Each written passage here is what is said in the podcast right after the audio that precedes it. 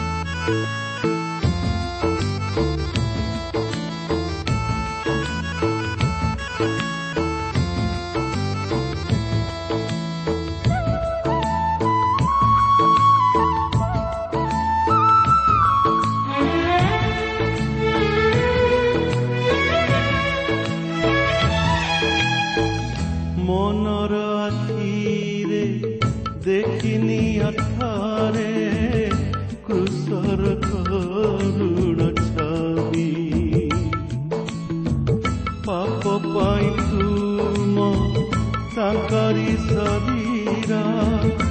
রকতরে গল ভিজি।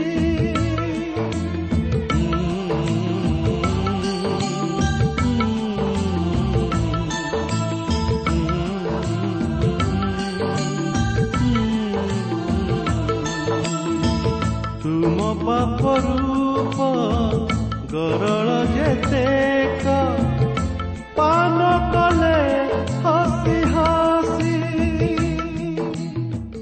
ପ୍ରିୟ ଶ୍ରୋତା ବନ୍ଧୁ ଆଜିର ଏହି ଶୁଭ ଅବସରରେ ଆମମାନଙ୍କର ଉଦ୍ଧାରକର୍ତ୍ତା ପ୍ରଭୁ ଯୀଶୁଖ୍ରୀଷ୍ଟଙ୍କ ବହୁମୂଲ୍ୟ ନାମରେ ଶୁଭେଚ୍ଛା ଜଣାଏ ଆଜିର ଏହି ପଥ ପ୍ରଦର୍ଶିକା କାର୍ଯ୍ୟକ୍ରମକୁ ଆପଣଙ୍କୁ ସ୍ୱାଗତ ଜଣାଏ। ଆପଣଙ୍କର ସହଯୋଗ ତଥା ମତାମତ ନିମନ୍ତେ ବିଶେଷ ଧନ୍ୟବାଦ। ଆପଣଙ୍କର ପ୍ରାର୍ଥନାର ଅନୁରୋଧ ରକ୍ଷା କରି ଆମେ ଆପଣଙ୍କ ନିମନ୍ତେ ପ୍ରାର୍ଥନା କରୁଅଛୁ। ଆଉ ସେହି ପ୍ରଭୁ ଯୀଶୁ ନିଶ୍ଚିତ ଭାବରେ ଆପଣଙ୍କର ସମସ୍ୟା ସମାଧାନ କରିବେ। ଆସନ୍ତୁ ପ୍ରଭୁଙ୍କର ବାକ୍ୟ ମଧ୍ୟକୁ ଯିବା ପୂର୍ବରୁ ସଂକ୍ଷେପରେ ପ୍ରାର୍ଥନା କରିବା। ପ୍ରିୟ ପବିତ୍ର ପ୍ରଭୁ ଆମମାନଙ୍କର ସ୍ୱର୍ଗବାସୀ ପିତା ଆମମାନଙ୍କର ପ୍ରତିଜ୍ଞାରେ ବିଶ୍ୱସ୍ତ ପରମେଶ୍ୱର ଆମମାନଙ୍କର ମୃତ୍ୟୁଞ୍ଜୟ ଈଶ୍ୱର ତୁମର ଧନ୍ୟବାଦ କରୁଅଛୁ ଏହି ସୁନ୍ଦର ସୁଯୋଗ ପାଇଁ ତୁମର ଜୀବନ୍ତ ବାକ୍ୟ ପାଇଁ ପ୍ରଭୁ ଏହି ସମୟରେ ତୁମେ ତୁମର ବାକ୍ୟ ମଧ୍ୟ ଦେଇ ଆମମାନଙ୍କ ସହିତ କଥା କୁହ ତୁମର ପବିତ୍ର ଉପସ୍ଥିତି ଆମମାନଙ୍କୁ ଉପଲବ୍ଧି କରିବା ପାଇଁ ଦିଅ ପ୍ରତ୍ୟେକ ଶ୍ରୋତାବନ୍ଧୁମାନଙ୍କୁ ପ୍ରଭୁ ଆଜିର ଏହି କାର୍ଯ୍ୟକ୍ରମ ମଧ୍ୟ ଦେଇ ତୁମେ ଆଶୀର୍ବାଦ କର ଯୀଶୁଙ୍କ ନାମରେ ମାଗୁଅଛୁ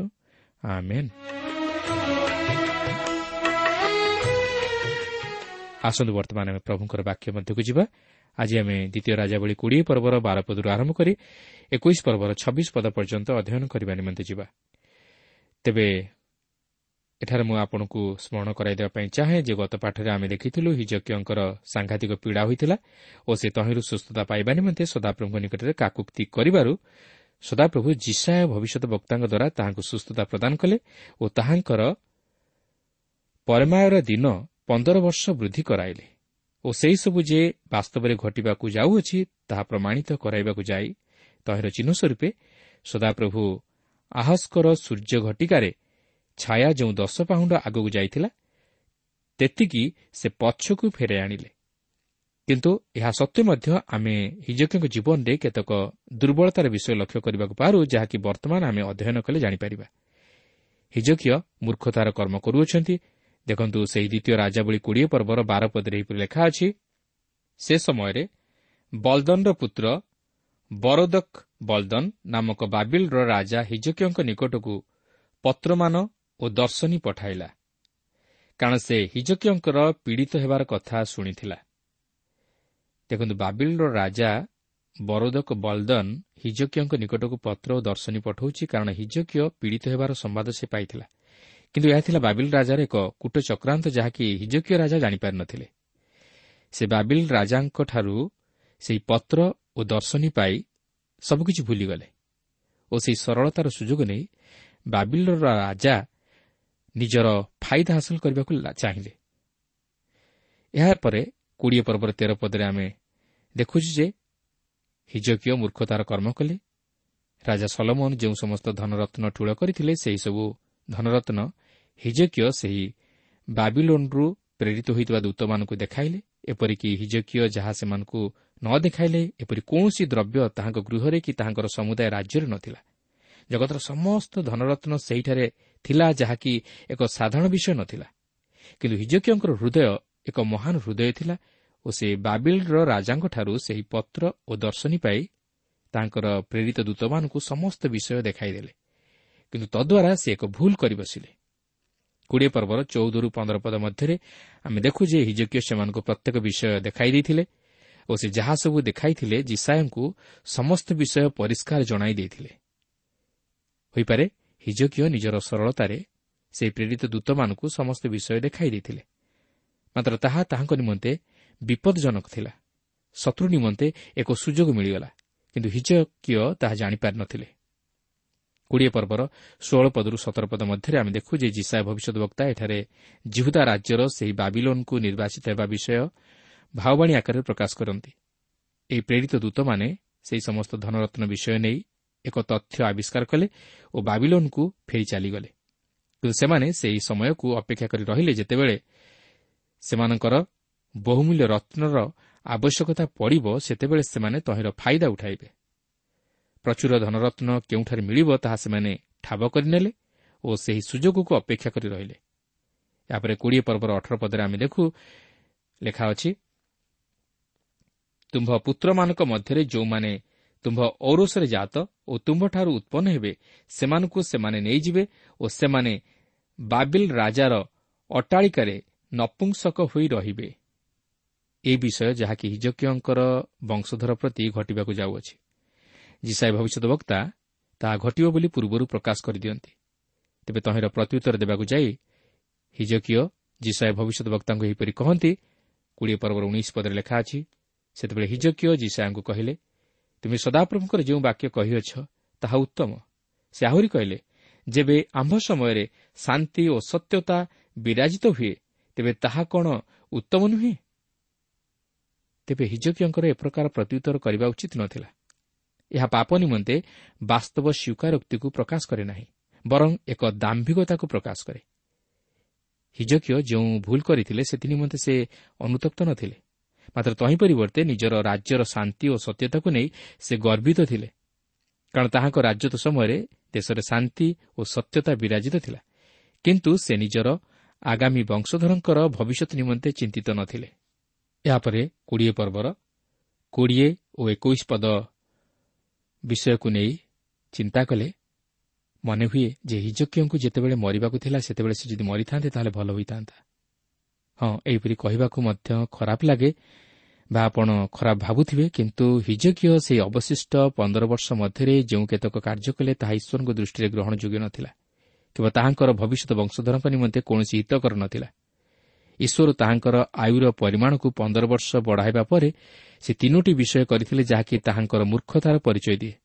ପ୍ରଥମତଃ ସେ ତାହାଙ୍କର ଗଚ୍ଛିତ ଧନରତ୍ନକୁ ସେହି ବାବିଲୋନ୍ରୁ ପ୍ରେରିତ ହୋଇଥିବା ଦୂତମାନଙ୍କୁ ଦେଖାଇଲେ ଯାହାକି ତାହାଙ୍କର ଭବିଷ୍ୟତ ବଂଶଧରମାନଙ୍କ ନିମନ୍ତେ ସମସ୍ୟାଜନକ ଥିଲା। ଦ୍ୱିତୀୟତଃ ସେ ତାହାଙ୍କର ପୁତ୍ର ମନସୀକୁ ଜନ୍ମ ଦେଲେ ଯେ କି ସମସ୍ତ ରାଜାମାନଙ୍କଠାରୁ ଅଧିକ ଦୁଷ୍ଟ ଥିଲେ। ତୃତୀୟତଃ ସେ ତାହାଙ୍କର ଜୀବନରେ ଦାମ୍ଭିକତାକୁ ପ୍ରକାଶ କଲେ ଓ ତାହାଙ୍କର ହୃଦୟ ଗର୍ବରେ ପରିପୂର୍ଣ୍ଣ ହେଲା। ଦେଖନ୍ତୁ ଦ୍ୱିତୀୟ ବଂଶାବଳୀ ବତିଶ ପର୍ବର ପଚିଶ ପଦରେ ଲେଖା ଅଛି ମାତ୍ର ହିଜକୀୟ ଆପଣା ପ୍ରତି କୃତ ମଙ୍ଗଳ ଅନୁସାରେ ପ୍ରତିଦାନ କଲେ ନାହିଁ କାରଣ ତାହାଙ୍କର ଅନ୍ତଃକରଣ ଗର୍ବିତ ହେଲା ଏତୁ ତାହାଙ୍କ ଉପରେ ପୁଣି ଜିହୁଦା ଓ ଜିରୁସାଲାମ ଉପରେ କୋପ ଉପସ୍ଥିତ ହେଲା। ପ୍ରିୟ ବନ୍ଧୁ ଏହି କାରଣରୁ ମୁଁ କହୁଥିଲି ଯେ ହିଜକୀୟ ଯେଉଁ ସମୟରେ ମରିବାକୁ ଥିଲା ସେହି ସମୟରେ ମରିଥିଲେ ହୁଏତ ଭଲ ହୋଇଥାନ୍ତା। କାରଣ ତାହାଙ୍କର ଶେଷ ଜୀବନରେ ସେ ଈଶ୍ୱରଙ୍କର କ୍ରୋଧର ପାତ୍ର ହେଲେ ଓ ତାହାଙ୍କ ହେତୁ ସମଗ୍ର ଜିହୁଦା ଓ ଜିରୁସାଲମ ଉପରେ ଈଶ୍ୱରଙ୍କର କୋପ ବର୍ତ୍ତିଲା। ପ୍ରିୟ ବନ୍ଧୁ ବାସ୍ତବରେ ଗର୍ବିତ ମନ ପତନର ସମ୍ମୁଖବର୍ତ୍ତୀ ହୁଏ। ଯେଉଁ ମନୁଷ୍ୟ ଗର୍ବ କରେ ସେ ନିଶ୍ଚୟ ପତିତ ହେବ। ପବିତ୍ର ବାଇବଲ କହେ ସଦାପ୍ରଭୁ ଗର୍ବୀ କି ଦୂରରୁ ଦେଖନ୍ତି। ହିତବେଦଶ ଷୋହଳ ପର୍ବର ଅଠର ପଦରେ ଲେଖା ଅଛି ଅହଙ୍କାର ସର୍ବନାଶର ସମ୍ମୁଖରେ ଥାଏ ପୁଣି ଦାମ୍ଭିକ ମନ ପତନର ସମ୍ମୁଖରେ ଥାଏ। ପ୍ରକୃତରେ ଯେଉଁମାନଙ୍କର ଅନ୍ତଃକରଣ ଗର୍ବୀ ଓ ଅହଙ୍କାରରେ ପରିପୂର୍ଣ୍ଣ ଈଶ୍ୱର ସେମାନଙ୍କ ଉପରେ ସନ୍ତୁଷ୍ଟ ନଥାନ୍ତି। ସେମାନେ ମଧ୍ୟ ଜୀବନରେ ଉନ୍ନତି କରିପାରନ୍ତି ନାହିଁ କିନ୍ତୁ ଯେଉଁମାନେ ନମ୍ର ସେମାନେ ଈଶ୍ୱରଙ୍କ ଆଶୀର୍ବାଦର ଅଧିକାରୀ ହୁଅନ୍ତି। ସେଥିପାଇଁ ପ୍ରଭୁ ଯୀଶୁ ପାର୍ବତ୍ୟ ଉପଦେଶରେ କହନ୍ତି ନମ୍ର ଲୋକେ ଧନ୍ୟ କାରଣ ସେମାନେ ପୃଥିବୀର ଅଧିକାରୀ ହେବେ। କାରଣ ନମ୍ରତା ସମ୍ଭ୍ରମର ସମ୍ମୁଖବର୍ତ୍ତୀ। ଯେଉଁ ଲୋକ ଈଶ୍ୱରଙ୍କ ନିକଟରେ ନିଜକୁ ନମ୍ର କରେ ସେ ମଙ୍ଗଳ ପାଏ। ଈଶ୍ୱର ତାହାକୁ ଉଠାନ୍ତି କିନ୍ତୁ ଯେ ଗର୍ବ କରେ ସେ ତାହାଠାରୁ ଦୂରରେ ଥାନ୍ତି କାରଣ ଯେଉଁ ଲୋକ ଗର୍ବୀ ସେ କେବେ ହେଲେ ଈଶ୍ୱରଙ୍କୁ ଗୌରବ ଦେଇପାରେ ନା। ଆଉ ଯେଉଁ ଲୋକ ଈଶ୍ୱରଙ୍କୁ ଗୌରବ ଦିଏ ନା ସେ ତାହାର ଜୀବନରେ କେବେ ହେଲେ ଉନ୍ନତି କରିପାରେ ନା। ସେଥିପାଇଁ ପ୍ରଭୁ କହନ୍ତି ଯେ ଆପଣଙ୍କୁ ନତ କରେ ତାହାକୁ ଉନ୍ନତ କରାଯିବ। ମାତ୍ର ଯେ ଆପଣଙ୍କୁ ଉନ୍ନତ କରେ ତାହାକୁ ନତ କରାଯିବ। ପ୍ରିୟ ବନ୍ଧୁ କେବେ ହେଲେ କୌଣସି ବିଷୟ ନେଇ ଗର୍ବ କରନ୍ତୁ ନାହିଁ। ମାତ୍ର ସମସ୍ତ ବିଷୟରେ ଈଶ୍ୱରଙ୍କୁ ଗୌରବ ଦିଅନ୍ତୁ ଓ ତାହାଙ୍କର ଧନ୍ୟବାଦ କରନ୍ତୁ।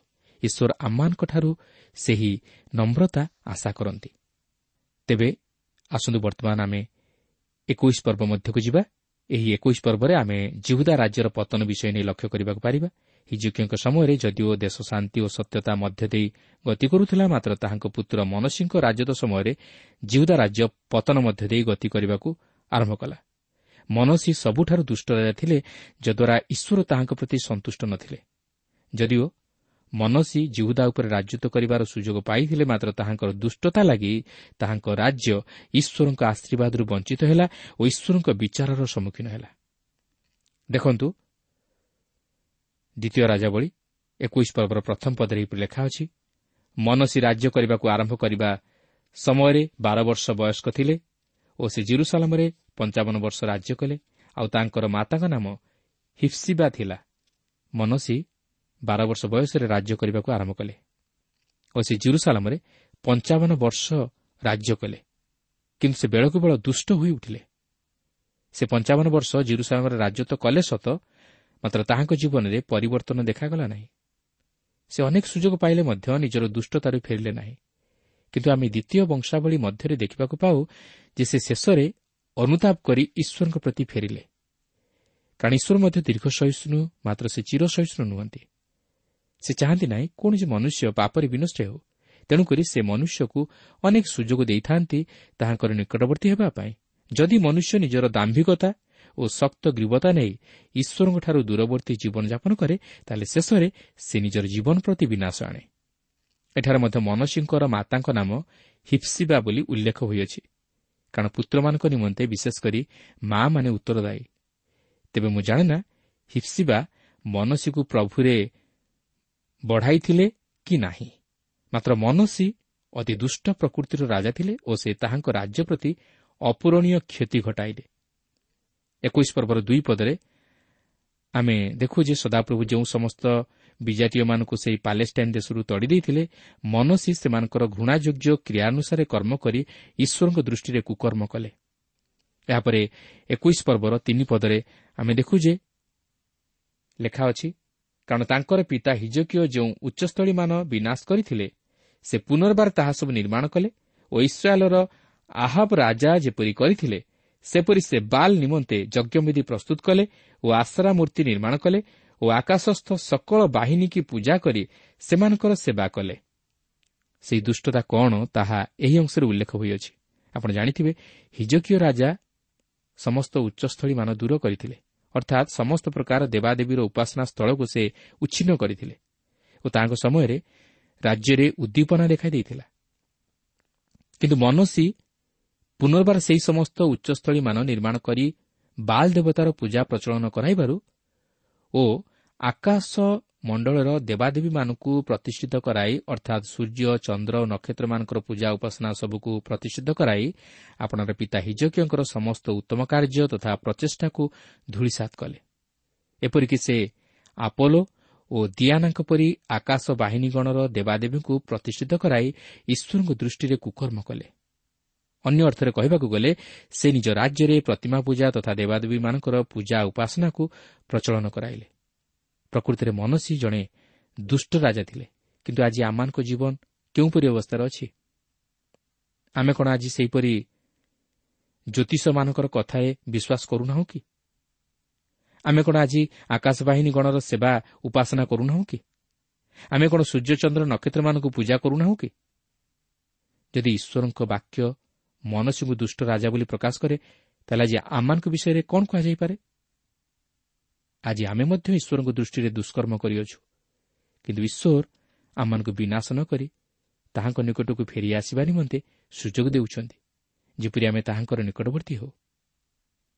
ଏହାପରେ ଏକୋଇଶ ପର୍ବର ଚାରିପଦରୁ ପାଞ୍ଚ ପଦ ମଧ୍ୟରେ ଆମେ ଦେଖୁ ଯେ ମନସୀ ସର୍ବଶକ୍ତିମାନ ଈଶ୍ୱରଙ୍କର ବିରୁଦ୍ଧରେ ଗଲେ ଓ ସେ ଈଶ୍ୱରଙ୍କ ପବିତ୍ର ମନ୍ଦିରକୁ ଅପବିତ୍ର କଲେ। ସେ ସଦାପ୍ରଭୁଙ୍କ ଗୃହରେ ବିଦେଶୀୟ ଦେବତାମାନଙ୍କ ଉଦ୍ଦେଶ୍ୟରେ ବେଦୀମାନ ନିର୍ମାଣ କରାଇଲେ ଯେଉଁଠାରେ କି ଈଶ୍ୱର ଆପଣା ନାମ ସ୍ଥାପନ କରିବା ନିମନ୍ତେ କହିଥିଲେ। ଏହାପରେ ଏକୋଇଶ ପର୍ବର ଛଅ ପଦରେ ଲେଖା ଅଛି ପୁଣି ସେ ଆପଣା ପୁତ୍ରକୁ ଅଗ୍ନି ମଧ୍ୟ ଦେଇ ଗମନ କରାଇଲେ ଓ ଶୁଭାଶୁଭ କହିବାର ବିଦ୍ୟା ଓ ଗଣକତା ବ୍ୟବହାର କଲେ ଆଉ ଭୁତୁଡ଼ିଆ ଓ ଗୁଣିଆମାନଙ୍କ ସହିତ ସମ୍ପର୍କ ରଖିଲେ। ସେ ସଦାପ୍ରଭୁଙ୍କୁ ବିରକ୍ତ କରିବା ନିମନ୍ତେ ତାହାଙ୍କ ଦୃଷ୍ଟିରେ ବହୁତ କୁକର୍ମ କଲେ। ଦେଖନ୍ତୁ ମନସୀ ଦୁଷ୍ଟତାର ସୀମା ଟପିଗଲେ। ସେ ନିଜର ପୁତ୍ରକୁ ଅଗ୍ନି ମଧ୍ୟ ଦେଇ ଗମନ କରାଇଲେ। ଏହା ଥିଲା ପ୍ରକୃତରେ ନରବଳି। କାରଣ ଏକ ପ୍ରତିମୂର୍ତ୍ତିକୁ ଅଗ୍ନିରେ ତତାଇ ଲାଲ କରିବା ପର୍ଯ୍ୟନ୍ତ ଏହାକୁ ଗରମ କରାଯାଉଥିଲା ଓ ତହିଁରେ ଏକ ଶିଶୁ ପୁତ୍ର ସନ୍ତାନକୁ ବଳି ରୂପେ ଉତ୍ସର କରାଯାଉଥିଲା। ଏହା ସେହି ସମୟର ଅତି ଭୟଙ୍କର ତଥା ଦାରୁଣ ଓ ଦୁଃଖଦାୟକ ତଥା ଶୈତାନିକ ପ୍ରତିମା ପୂଜାର ପ୍ରଥା ଥିଲା। ଏକୋଇଶ ପର୍ବର ସାତ ଆଠ ପଦରେ ଲେଖା ଅଛି ଆହୁରି ସେ ମନ୍ଦିରରେ ଆପଣା ନିର୍ମିତ ଆସେରାର ଖୋଦିତ ମୂର୍ତ୍ତି ସ୍ଥାପନ କଲେ। ସେହି ମନ୍ଦିର ବିଷୟରେ ସଦାପ୍ରଭୁ ଦାଉଦଙ୍କୁ ଓ ତାଙ୍କର ପୁତ୍ର ସଲମନଙ୍କୁ କହିଥିଲେ ଏହି ଗୃହରେ ଓ ଇସ୍ରାଏଲ୍ର ସମୁଦାୟ ଗୋଷ୍ଠୀ ମଧ୍ୟରୁ ଆମ୍ଭର ମନୋନୀତ ଜିରୁସାଲାମରେ ଆମ୍ଭେ ଆପଣା ନାମ ଚିରକାଳ ସ୍ଥାପନ କରିବା। ପୁଣି ଆମ୍ଭେ ସେମାନଙ୍କୁ ଯେ ସମସ୍ତ ଆଜ୍ଞା ଦେଇଅଛୁ ଓ ଆମ୍ଭ ସେବକ ମୂଷା ସେମାନଙ୍କୁ ଯେ ସମସ୍ତ ବ୍ୟବସ୍ଥା ଆଜ୍ଞା କରିଅଛି କେବଳ ତଦନୁସାରେ ଆଚରଣ କରିବାକୁ ଯେବେ ସେମାନେ ମନୋଯୋଗୀ ହେବେ ତେବେ ଆମ୍ଭେ ସେମାନଙ୍କ ପୂର୍ବପୁରୁଷମାନଙ୍କୁ ଯେଉଁ ଦେଶ ଦେଇଅଛୁ ତହିଁରୁ ଇସ୍ରାଏଲ୍ର ପାଦକୁ ଆଉ ଭ୍ରମଣ କରାଇବା ନାହିଁ। ଦେଖନ୍ତୁ ଏହି ଲୋକମାନେ ସେହି ସମୟରେ କିଛି ଜାଣିପାରିନଥିଲେ ମାତ୍ର ସେମାନେ ସେହି ବାବିଲୋନ୍କୁ ଯିବା ନିମନ୍ତେ ପ୍ରସ୍ତୁତ ହେଉଥିଲେ। ସେମାନେ ସେହି ବାବିଲୋନ୍କୁ ନିର୍ବାଚିତ ହେବାକୁ ଯାଉଥିଲେ। ଯେହେତୁ ସେମାନଙ୍କର ଦେଶ ସେମାନଙ୍କର ନିଜର ହେବା ଗୋଟିଏ ସର୍ତ୍ତ ଉପରେ ନିର୍ଭର କରୁଥିଲା। ଆଉ ତାହା ହେଉଛି ବାଧ୍ୟତା କିନ୍ତୁ ସେମାନେ ଈଶ୍ୱରଙ୍କର ବାଧ୍ୟ ହୋଇପାରିଲେ ନାହିଁ। ମନସୀ ନିଜେ ପାପରେ ପତିତ ହେବା ସଙ୍ଗେ ସଙ୍ଗେ ଅନ୍ୟମାନଙ୍କୁ ମଧ୍ୟ ପାପରେ ପତିତ କରାଇଲେ। ସଦାପ୍ରଭୁଙ୍କ ଗୃହକୁ ଅସୁଚି କଲେ ଓ ସଦାପ୍ରଭୁଙ୍କ ନାମର ଅଗୌରବ କଲେ। ସେ ସଦାପ୍ରଭୁଙ୍କ ଗୃହରେ ଆଶାରାର ଖୋଦିତ ମୂର୍ତ୍ତି ସ୍ଥାପନ କଲେ। ଯେଉଁ ସ୍ଥାନରେ ସଦାପ୍ରଭୁଙ୍କ ନାମ ସ୍ଥାପନ କରିବା ନିମନ୍ତେ ସଦାପ୍ରଭୁ କହିଥିଲେ ସେହି ସ୍ଥାନରେ ସଦାପ୍ରଭୁଙ୍କ ନାମ ପରିବର୍ତ୍ତେ ସେ ବିଦେଶୀୟ ଦେବତାମାନଙ୍କୁ ସ୍ଥାପନ କଲେ। ଏହି ପ୍ରକାରେ ସେ ଇସ୍ରାଏଲ୍ ସନ୍ତାନଗଣକୁ ପାପ କରାଇଲେ ଓ ସଦାପ୍ରଭୁଙ୍କ ଗୃହକୁ ଅସୁଚି କଲେ। ତହିଁର ପବିତ୍ରତାକୁ ନଷ୍ଟ କଲେ। ଏକୋଇଶ ପର୍ବର ନଅ ପଦରେ ଆମେ ଦେଖୁ ଯେ କେବଳ ମନସୀ ଦୁଷ୍ଟ ରାଜା ନଥିଲେ ସେ ସବୁଠାରୁ ବଦମାସ ରାଜା ଥିଲେ। ତାହାଙ୍କ ଲାଗି ଇସ୍ରାଏଲ୍ ସନ୍ତାନଗଣ ଅଧିକ ପାପ ପଥରେ ଗମନ କଲେ ଓ ପ୍ରତିମା ପୂଜାରେ ଆସକ୍ତ ହେଲେ। ସେମାନେ ଈଶ୍ୱରଙ୍କର ଆଦେଶକୁ ପାଳନ କରିପାରିଲେ ନାହିଁ କି ତାହାଙ୍କର ପ୍ରତିଜ୍ଞାକୁ ସ୍ମରଣ କଲେ ନାହିଁ। ତେଣୁ ଈଶ୍ୱର ମଧ୍ୟ ସେମାନଙ୍କର ଏହି ଦୁଷ୍ଟତାକୁ ସହ୍ୟ କରି ନ ପାରି ସେମାନଙ୍କୁ ସେହି ଦେଶରୁ ତଡ଼ିଦେଲେ ଓ ସେମାନେ ସେହି ବାବିଲୋନ୍କୁ ନିର୍ବାଚିତ ହେବାକୁ ଯାଉଅଛନ୍ତି ଯାହାକି ଆମେ ପରେ ଅଧ୍ୟୟନ କଲେ ଜାଣିପାରିବା। ଏହାପରେ ଏକୋଇଶ ପର୍ବର ଦଶ ପଦରୁ ତେର ପଦ ମଧ୍ୟରେ ଆମେ ଦେଖୁ ଯେ ଈଶ୍ୱର ଯେପରି ଭାବେ ସେହି ସମରିଆ ଓ ଇସ୍ରାଏଲ୍ର ଦୁଷ୍ଟତା ନେଇ ସେମାନଙ୍କର ବିଚାର କଲେ ଓ ସେମାନଙ୍କୁ ଅସୁର ଦେଶକୁ ନିର୍ବାଚିତ କରାଇଲେ ଠିକ୍ ସେହିପରି ଏଠାରେ ମଧ୍ୟ ସେ ଜିହୁଦା ଓ ଜିରୁସାଲମର ବିଚାର କରି ସେମାନଙ୍କୁ ଶତ୍ରୁ ହସ୍ତରେ ସମର୍ପିତ କରାଇ ନିର୍ବାଚିତ କରାଇବାକୁ ଯାଉଅଛନ୍ତି ଆଉ ଈଶ୍ୱର କହନ୍ତି ମନୁଷ୍ୟ ଯେପରି ଥାଳିକୁ ପୋଛେ ଆଉ ପୋଛୁ ପୋଛୁ ତାହା ଓଲଟ ପାଲଟ କରେ ସେହିପରି ଆମେ ଜିରୁସାଲମକୁ ପୋଛି ପକାଇବା। ଈଶ୍ୱର ସେହି ଥାଳିକୁ ପରିଷ୍କାର କରିବାକୁ ଯାଉଅଛନ୍ତି। ଜିରୁସାଲମ ହେଉଛି ତାହାଙ୍କର ଦେଶ ଅର୍ଥାତ୍ ତାହାଙ୍କର ଥାଳି। କିନ୍ତୁ ଇସ୍ରାଏଲ୍ ସନ୍ତାନଗଣ ସେହି ଥାଳିକୁ ଅଶୁଚି କରିଦେଇଛନ୍ତି। ତେଣୁକରି ସେ ସେମାନଙ୍କୁ ସେହି ଦେଶରୁ ପୋଛି ପକାଇବାକୁ ଚାହାନ୍ତି ଅର୍ଥାତ୍ ସେ ସେମାନଙ୍କୁ ସେହି ଦେଶରୁ ତଳିଦେବାକୁ ଚାହାନ୍ତି। ଆଜି ଆମେ ଏହି ଜଗତରେ ଈଶ୍ୱରଙ୍କଠାରୁ ସବୁକିଛି ପାଇଅଛୁ। ଭୂମି ପାଣି ପବନ ସ୍ୱାସ୍ଥ୍ୟକର ଜଳବାୟୁ ସୁସ୍ଥ ସବଳ ଶରୀର ସବୁକିଛି ତାହାଙ୍କଠାରୁ ପାଇଅଛୁ। ଓ ସେ ଏହି ଜଗତର ନିୟନ୍ତ୍ରଣକର୍ତ୍ତା। ସେ ପ୍ରତ୍ୟେକଙ୍କର ଭାର ବହନ କରନ୍ତି ଓ ପ୍ରତ୍ୟେକ ସମୟରେ ସେ ତାଙ୍କର ସୃଷ୍ଟ ଜଗତକୁ ପରିଷ୍କାର କରନ୍ତି। ଆଜି ଯଦି ଲୋକମାନେ ପ୍ରାକୃତିକ ବିପର୍ଯ୍ୟୟର ସମ୍ମୁଖୀନ ହୁଅନ୍ତି ବା ଦେଶ ବିପର୍ଯ୍ୟସ୍ତ ହୁଏ ତାହେଲେ ଏହାର କାରଣ କ'ଣ ଜାଣନ୍ତି? ଏହାର କାରଣ ହେଉଛି ଯେ ସେମାନେ ଈଶ୍ୱରବିହୀନ ଜୀବନଯାପନ କରିବାରୁ ଈଶ୍ୱରଙ୍କ ବିଚାରର ସମ୍ମୁଖୀନ ହୁଅନ୍ତି। ଈଶ୍ୱର କହନ୍ତି ମନୁଷ୍ୟ ଯେପରି ଥାଳି ପରିଷ୍କାର କରେ ସେହିପରି ଆମ୍ଭେ ଜିରୁସାଲମକୁ ପୋଛି ପକାଇବା ଓ ସେ ମଧ୍ୟ ସେହିପରି କଲେ। ଯାହାକି ଆମେ ପରେ ଦେଖିବାକୁ ପାରିବା। ଏହାପରେ ଏକୋଇଶ ପର୍ବର ଚଉଦ ପଦରେ ଆମେ ଦେଖୁ ଯେ ଈଶ୍ୱର କହିବାକୁ ଚାହାନ୍ତି ଯେ ସେ ଆଉ ସେମାନଙ୍କର ସପକ୍ଷ ହେବେ ନାହିଁ ଓ ସେମାନେ ଶତ୍ରୁ ହସ୍ତରେ ସମର୍ପିତ ହେବେ। ସେ ଆଉ ସେମାନଙ୍କୁ ଶତ୍ରୁ ହସ୍ତରୁ ଉଦ୍ଧାର କରିବେ ନାହିଁ। ମାତ୍ର ଶତ୍ରୁ ହସ୍ତରେ ସମର୍ପଣ କରାଇବେ। ଏକୋଇଶ ପର୍ବର ପନ୍ଦର ଓ ଷୋହଳ ପଦରେ ଲେଖା ଅଛି କାରଣ ସେମାନେ ଆମ ଦୃଷ୍ଟିରେ କୁକର୍ମ କରିଅଛନ୍ତି ଓ ସେମାନେ ଆପଣା ପିତୃଗଣ ମିଶରରୁ ବାହାରି ଆସିବାର ଦିନଠାରୁ ଆଜି ପର୍ଯ୍ୟନ୍ତ ଆମ୍ଭକୁ ବିରକ୍ତ କରିଅଛନ୍ତି। ଆହୁରି ମନସି ସଦାପ୍ରଭୁଙ୍କ ଦୃଷ୍ଟିରେ କୁକର୍ମ କରି ଆପଣାର ସେହି ପାପ ଦ୍ୱାରା ଜିହୁଦାକୁ ପାପ କରାଇବା ଛଡ଼ା ସେ ବହୁତ ନିର୍ଦ୍ଦୋଷ ରକ୍ତପାତ କରି ଜିରୁସାଲମକୁ ଏକ ସୀମାରୁ ଅନ୍ୟ ସୀମା ପର୍ଯ୍ୟନ୍ତ ରକ୍ତରେ ପରିପୂର୍ଣ୍ଣ କଲେ। ଦେଖନ୍ତୁ ଯେତେବେଳେ ଜଣେ ବ୍ୟକ୍ତି ବା ଏକ ଜାତି ପାପରେ ପତିତ ହୁଏ ସେ କେବଳ ଗୋଟିଏ ପାପ କରେ ନାହିଁ ମାତ୍ର ପାପ ଉପରେ ପାପ କରିଚାଲେ ମନୁଷ୍ୟ ଆଜି କେବଳ ଈଶ୍ୱରଙ୍କୁ ଭୁଲିଯାଇ ନାହିଁ ମାତ୍ର ଏଥିସହିତ ସେ ବିଭିନ୍ନ ପ୍ରକାର ପାପରେ ଜଡ଼ିତ। ବେଶ୍ୟାଗମନ ବ୍ୟଭିଚାର ନରହତ୍ୟା ଚୋରି ନାନା ପ୍ରକାର ମନ୍ଦ ଅଭ୍ୟାସରେ ମଧ୍ୟ ସେ ଜଡ଼ିତ। ବର୍ତ୍ତମାନ ଏହିସବୁ ଏକ ସାଧାରଣ ବିଷୟ ହୋଇଯାଇଛି। ଏହି ଜଗତ କଳୁଷିତ ତଥା ପାପରେ ପରିପୂର୍ଣ୍ଣ। ତେଣୁ ଈଶ୍ୱର ଏହାକୁ ପୋଛି ପକାଇବେ। ମନୁଷ୍ୟ କେବେ ହେଲେ ଈଶ୍ୱରଙ୍କ ବିଚାରରୁ ଖସି ପଳାଇ ଯାଇପାରିବ ନାହିଁ। ଦେଖନ୍ତୁ ଈଶ୍ୱର ଏଠାରେ ସେହି ଜିହୁଦା ଓ ଜିରୁସାଲମକୁ ପୋଛି ପକାଇବାକୁ ଯାଉଅଛନ୍ତି ଓ ଯେପର୍ଯ୍ୟନ୍ତ ସେମାନେ ଅନୁତାପ କରି ନିଜର ପାପରୁ ଫେରିନାହାନ୍ତି ସେ ପର୍ଯ୍ୟନ୍ତ ସେ ସେମାନଙ୍କୁ ସେହି ଦେଶରୁ ନିର୍ବାସିତ କରାଇବେ। ସେମାନେ ଶତ୍ରୁ ହସ୍ତରେ ପତିତ ହୋଇ ନିର୍ବାସିତ ହେବେ। ଏହାପରେ ଏକୋଇଶ ପର୍ବର ସତର ଅଠର ପଦରେ ଆମେ ଦେଖୁ ମନସୀଙ୍କର ଇତିହାସ ତାହାଙ୍କର ଦୁଷ୍ଟତା ଓ ମୃତ୍ୟୁ ବ୍ୟତୀତ ଆଉ କୌଣସି ଉତ୍ତମ ବିଷୟ ପ୍ରକାଶ କରାଯାଇ ନାହିଁ କାରଣ ସେ ଈଶ୍ୱରଙ୍କ ନିମନ୍ତେ କୌଣସି ଉତ୍ତମ କର୍ମ ସାଧନ କରିପାରିନଥିଲେ କି ତାହାଙ୍କ ଜୀବନରେ କୌଣସି ଉତ୍ତମତା ଦେଖାଯାଇ ନଥିଲା ତେଣୁକରି ତାହାଙ୍କର ଜୀବନ କାହାଣୀ କେବଳ ଦୁଷ୍ଟତା ଓ ମୃତ୍ୟୁରେ ହିଁ ସମାପ୍ତ ହେଲା। ଆସନ୍ତା ଏହାପରେ ତାହାଙ୍କର ପୁତ୍ର ଆମୋନଙ୍କ ରାଜ୍ୟତ୍ୱ ସମ୍ପର୍କରେ କିଛି ଅଧ୍ୟୟନ କରି ଆଲୋଚନା କରିବା। ଏକୋଇଶ ପର୍ବର ଉଣେଇଶରୁ ବାଇଶ ପଦ ମଧ୍ୟରେ ଆମେ ଦେଖୁ ଯେ ଏହି ଆମୋନ ମଧ୍ୟ ଅତି ଦୁଷ୍ଟ ରାଜା ଥିଲେ। ସେ ଆପଣା ପିତା ମନସିଂଙ୍କର ପଥରେ ଚାଲିଲେ ଓ ଇସ୍ରାଏଲ୍ର ସଦାପ୍ରଭୁ ପରମେଶ୍ୱରଙ୍କୁ ପରିତ୍ୟାଗ କଲେ ତେଣୁକରି ଈଶ୍ୱର ମଧ୍ୟ ତାହାଙ୍କୁ ପରିତ୍ୟାଗ କଲେ। ଏହାପରେ ଏକୋଇଶ ପର୍ବର ତେଇଶ ପଦରେ ଆମେ ଦେଖୁ ଯେ ବାସ୍ତବରେ ଆମୋନଙ୍କର ଦୁଷ୍ଟତା ବିପ୍ଳବ ସୃଷ୍ଟି କରିଥିଲା ଯଦ୍ୱାରା ତାହାଙ୍କର ଦାସମାନେ ତାହାଙ୍କ ବିରୁଦ୍ଧରେ ଚକ୍ରାନ୍ତ କରି ତାହାଙ୍କୁ ବଦ୍ଧ କଲେ। ବର୍ତ୍ତମାନ ମଧ୍ୟ ତାହା ହିଁ ଘଟେ। ଦେଶର ଶାସକମାନଙ୍କ ବିରୁଦ୍ଧରେ ନାନା ପ୍ରକାର ଆନ୍ଦୋଳନ ହୁଏ। ବିଭିନ୍ନ ସ୍ଥାନରେ ବିପ୍ଳବ ମଧ୍ୟ ଦେଖାଯାଏ। ଅନେକଙ୍କୁ ଚକ୍ରାନ୍ତ କରି ବଦ୍ଧ କରାଯାଉଅଛି। ପ୍ରତ୍ୟେକ ନିଜ ନିଜ ମଧ୍ୟରେ ଦଳଭେଦ ତଥା ମତଭେଦ ସୃଷ୍ଟି କରାଉଛନ୍ତି। ଦେଶର ଶାସନ କ୍ଷେତ୍ରରେ ସ୍ଥିରତା ରକ୍ଷା କରାଯାଇପାରୁନାହିଁ। ତେବେ ଏହିସବୁ କାହିଁକି ଘଟୁଛି? ଏହାର କେବଳ ଗୋଟିଏ ଉତ୍ତର ହୋଇପାରେ ଯେ ମନୁଷ୍ୟ ଆଜି ଈଶ୍ୱରଙ୍କଠାରୁ ଦୂରବର୍ତ୍ତୀ ଜୀବନଯାପନ କରି ପାପରେ ପତିତ ହୋଇଅଛି। ମନୁଷ୍ୟ ଆଜି ଈଶ୍ୱରଙ୍କର ଆଦେଶକୁ ପାଳନ କରିବାକୁ ଚାହେଁ ନା କି ଈଶ୍ୱରଙ୍କୁ ଗୌରବ ଦେବାକୁ ଚାହେଁ ନା ମାତ୍ର ନିଜକୁ ପ୍ରତିଷ୍ଠିତ କରିବାକୁ ଚାହେଁ। ଓ ନିଜେ ନିଜର ଗୌରବ ଅନ୍ୱେଷଣ କରେ। ତେଣୁ ଯେପର୍ଯ୍ୟନ୍ତ ଆମେ ଈଶ୍ୱରଙ୍କ ନିକଟବର୍ତ୍ତୀ ହୋଇନାହୁଁ ଓ ତାଙ୍କର ଆଜ୍ଞାବହ ହୋଇନାହୁଁ ସେ ପର୍ଯ୍ୟନ୍ତ ଆମେ କିମ୍ବା ଆମର ପରିବାର ବା ଆମର ସମାଜ କିମ୍ବା ଦେଶ ମଧ୍ୟ ଶାନ୍ତିରେ ତଥା ନିରାପଦରେ ବାସ କରିପାରିବ ନାହିଁ। ଏହାପରେ ଏକୋଇଶ ପର୍ବର ଚବିଶରୁ ଛବିଶ ପଦରେ ଆମେ ଆମଙ୍କର ଜୀବନ କାହାଣୀ ପରିସମାପ୍ତି ଘଟିବାର ଲକ୍ଷ୍ୟ କରୁଅଛୁ ଓ ତାହାଙ୍କ ପରେ ତାହାଙ୍କ ପୁତ୍ର ଯୋଶୀୟ ରାଜ୍ୟ କରିବାକୁ ଆରମ୍ଭ କଲେ। ଏହି ଯୋଶୀୟ କେବଳ ଜଣେ ମହାନ ରାଜା ନଥିଲେ ମାତ୍ର ଏହି ରାଜାଙ୍କ ସମୟରେ ଏକ ମହାନ ଉଦ୍ଦୀପନା ଦେଖାଦେଇଥିଲା। ତେବେ ସେ ଯାଉନା କାହିଁକି ମନସୀ ଓ ତାହାଙ୍କ ପୁତ୍ର ଆମୋନ୍ ଯେଉଁ ଦୁଷ୍ଟତା କଲେ ଓ ଇସ୍ରାଏଲ୍କୁ ପାପ କରାଇଲେ ତାହାର ପ୍ରତିଫଳ ମଧ୍ୟ ଜିହୁଦା ଓ ଜିରୁସାଲାମ ନିବାସୀମାନଙ୍କୁ ଭୋଗ କରିବାକୁ ହେଲା। ସେମାନେ ଈଶ୍ୱରଙ୍କ ଦ୍ୱାରା ବିଚାରିତ ହୋଇ ଶତ୍ରୁ ହସ୍ତରେ ସମର୍ପିତ ହେଲେ ଓ ବାବିଲୋନ୍କୁ ନିର୍ବାସିତ ହେଲେ ଯାହାକି ଆମେ ପରେ ଅଧ୍ୟୟନ କଲେ ଜାଣିବାକୁ ପାରିବା। ପ୍ରିୟ ବନ୍ଧୁ ମନୁଷ୍ୟ ନିଜର କଲାକର୍ମର ପ୍ରତିଫଳ ନିଜେ ଭୋଗ କରେ। କିନ୍ତୁ ମନୁଷ୍ୟ ଯଦି ତହିଁ ନିମନ୍ତେ ଅନୁତାପ କରି ତହିଁରୁ ଫେରିଆସେ ଓ ଈଶ୍ୱରଙ୍କର ନିକଟବର୍ତ୍ତୀ ହୁଏ ଓ ପ୍ରଭୁ ଯୀଶୁଖ୍ରୀଷ୍ଟଙ୍କଠାରେ ନିଜର ସମସ୍ତ ପାପ ସ୍ୱୀକାର କରେ ତାହେଲେ ସେ ଈଶ୍ୱରଙ୍କ ଅନୁଗ୍ରହର ଅଧିକାରୀ ହୁଏ ଈଶ୍ୱର ମନୁଷ୍ୟର ବିନାଶ ଚାହାନ୍ତି ନାହିଁ। ମାତ୍ର ମନୁଷ୍ୟ ଆପେ ସେହି ବିନାଶର ପଥରେ ଗତି କରିବା ଦ୍ୱାରା ନିଜର ଜୀବନ ପ୍ରତି ବିନାଶ ଆଣେ। ମାତ୍ର ତଥାପି ଈଶ୍ୱର ତାହାକୁ ସୁଯୋଗ ଦେଇଥାନ୍ତି ଫେରିଆସିବା ନିମନ୍ତେ।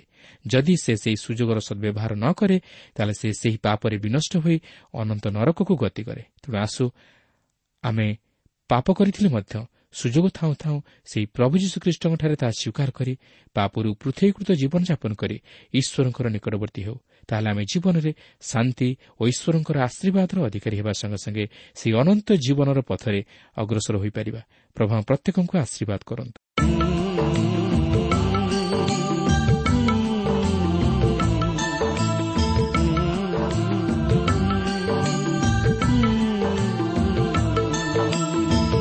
ତୁମ ପାପ ରୂପ ଗରଳ ଯେତେ ପାନ କଲେ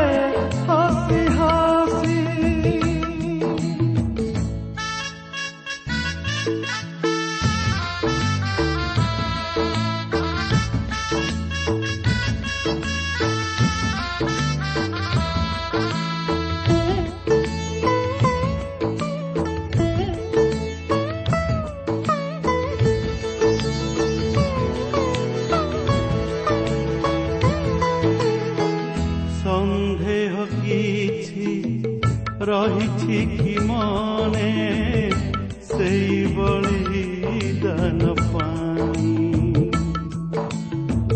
ମଣିଷ ପାଇଁ କି ଆଜି ଯାଏ ପରା ଏମିତି କେ କରିନାହିଁ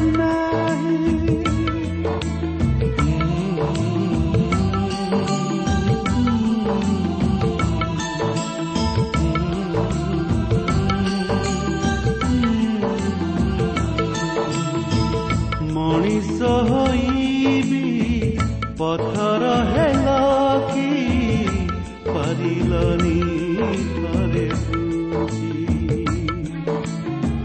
ତୁମ ପାପ ପାଇଁ ପ୍ରିୟ ଶ୍ରୋତା ଆମର କାର୍ଯ୍ୟକ୍ରମ ନିୟମିତ ଶୁଣୁଥିବାରୁ ଅଶେଷ ଧନ୍ୟବାଦ।